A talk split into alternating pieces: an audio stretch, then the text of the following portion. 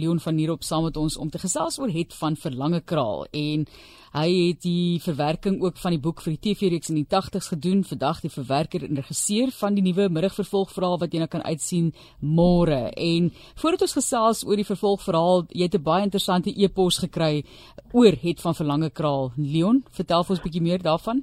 Inderdaad, Martelies en hallo.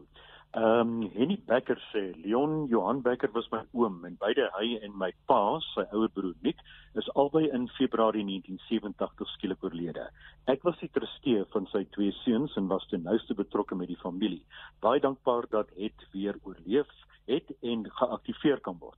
Johan Becker het die verhaal van het geskryf as jong onderwyser en skoolhoof aan 'n klein skooltjie, die Hekpoort Laerskool.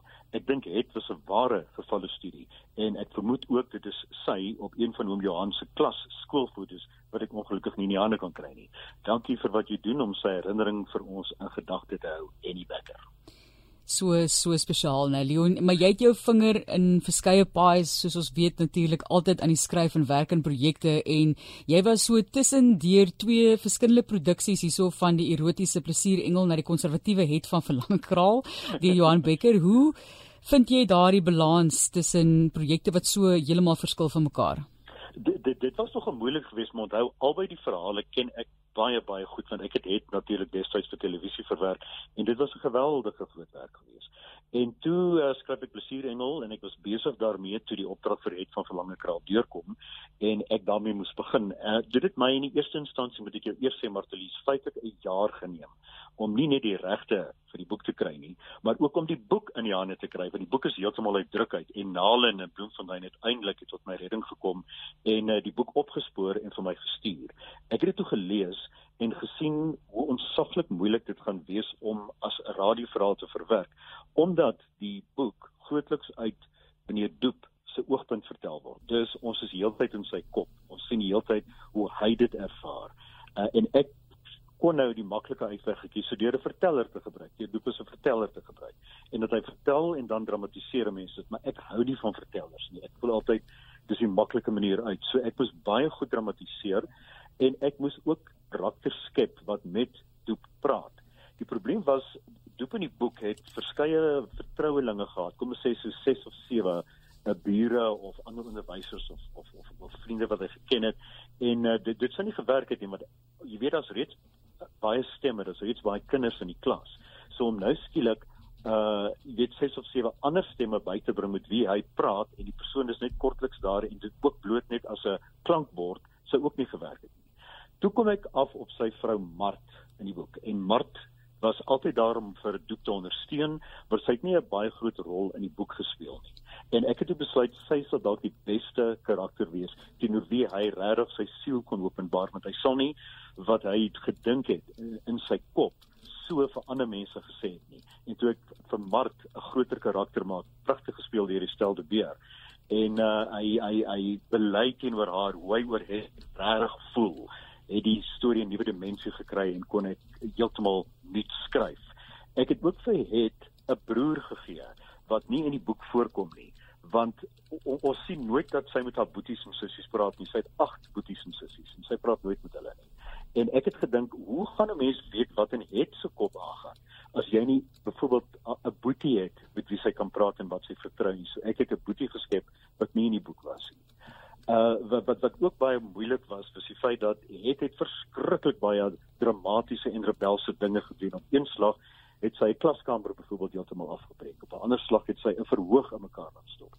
Nou as mens daardie goed in klank weeg en ek dink iemand soos Johan sal miskien verstaan presies daar wat ek bedoel, het jy 'n kakofonie van geraas. Jy het 'n geweldige geraas en iemand wat net die hele tyd skree en te kere gaan. En dit is nie hoe ek het wil uitbeeld nie en dis ook nie hoe sy op uh, op televisie deur die wonderlike Sally Kamfer uitgebeeld is nie. So ek moet al daardie goed temper.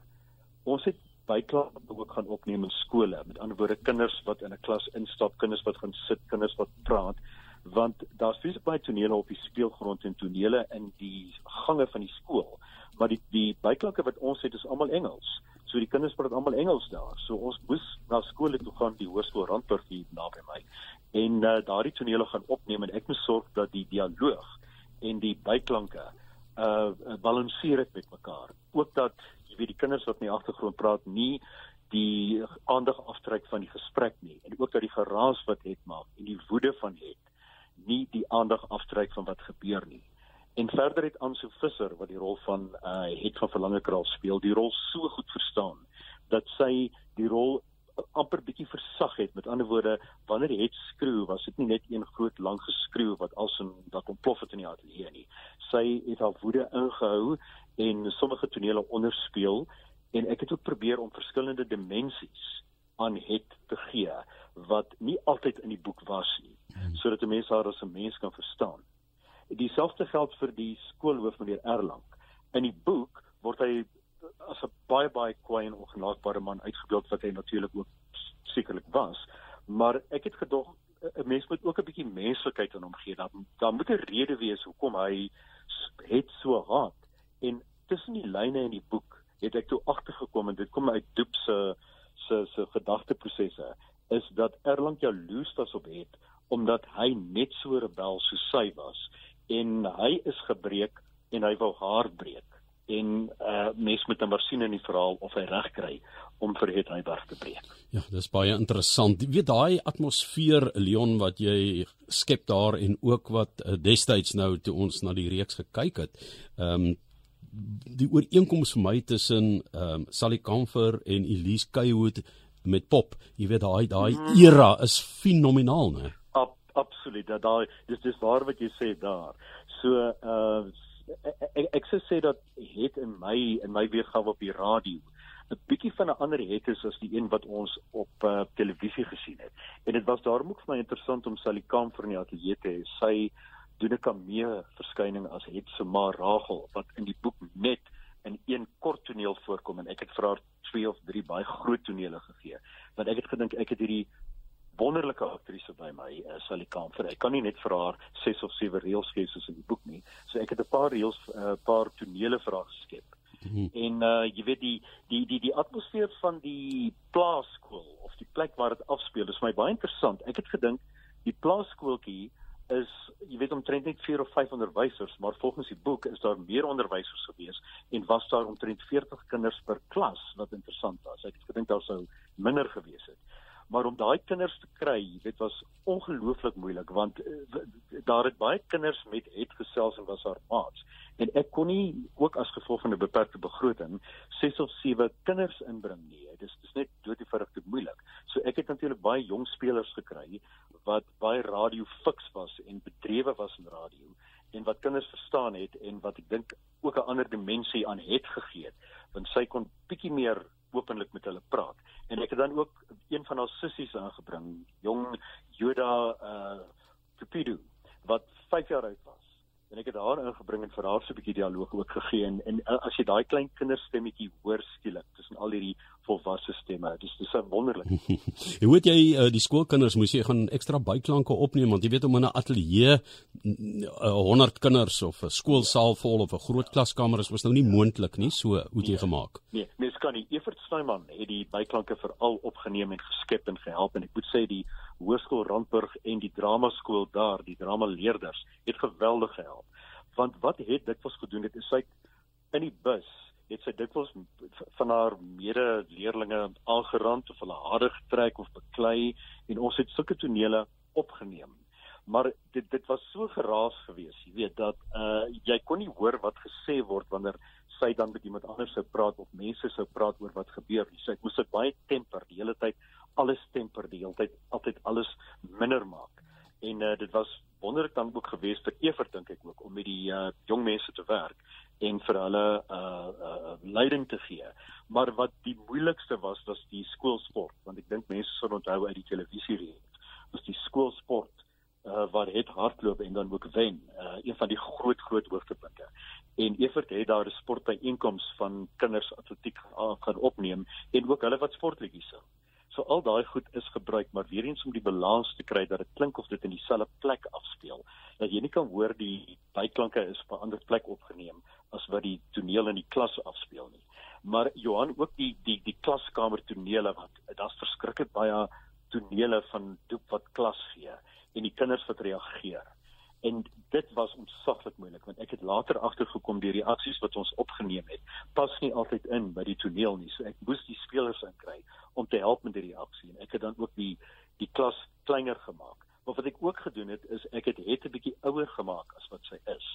Want uh het in die boek dink ek is omtrent in uh, destyds standaard 4 gewees en ek het dit bietjie ouer gemaak want jy weet het is in elke episode behalwe in 5 waar die aktrise nie beskikbaar was nie.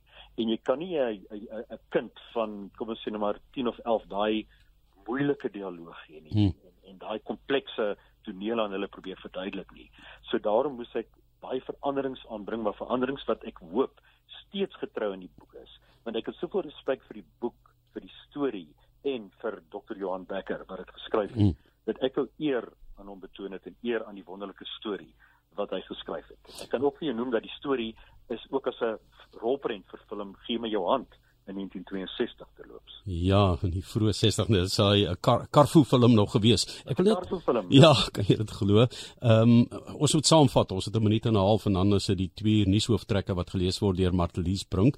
Ek wil net vinnig by jou hoor. Ek verstaan dat die boek so geweldig skaars is en dat dat jy gesukkel het om dit in die hande te kry. Jo. Johan dit was ongelooflik. Ek het van tweedehandse boekwinkel van Sabie af tot in die Kaap eh deurgeloop, mense gevra, Facebook boodskappe gestuur, enigiets gedoen wat ek kon en niemand het die boek gehad nie. Nie eers die uh, oorspronklike regisseur van het van Verlange Kraal Fred Nel, sy vrou Melinda nie, ek het hulle ook gekontak.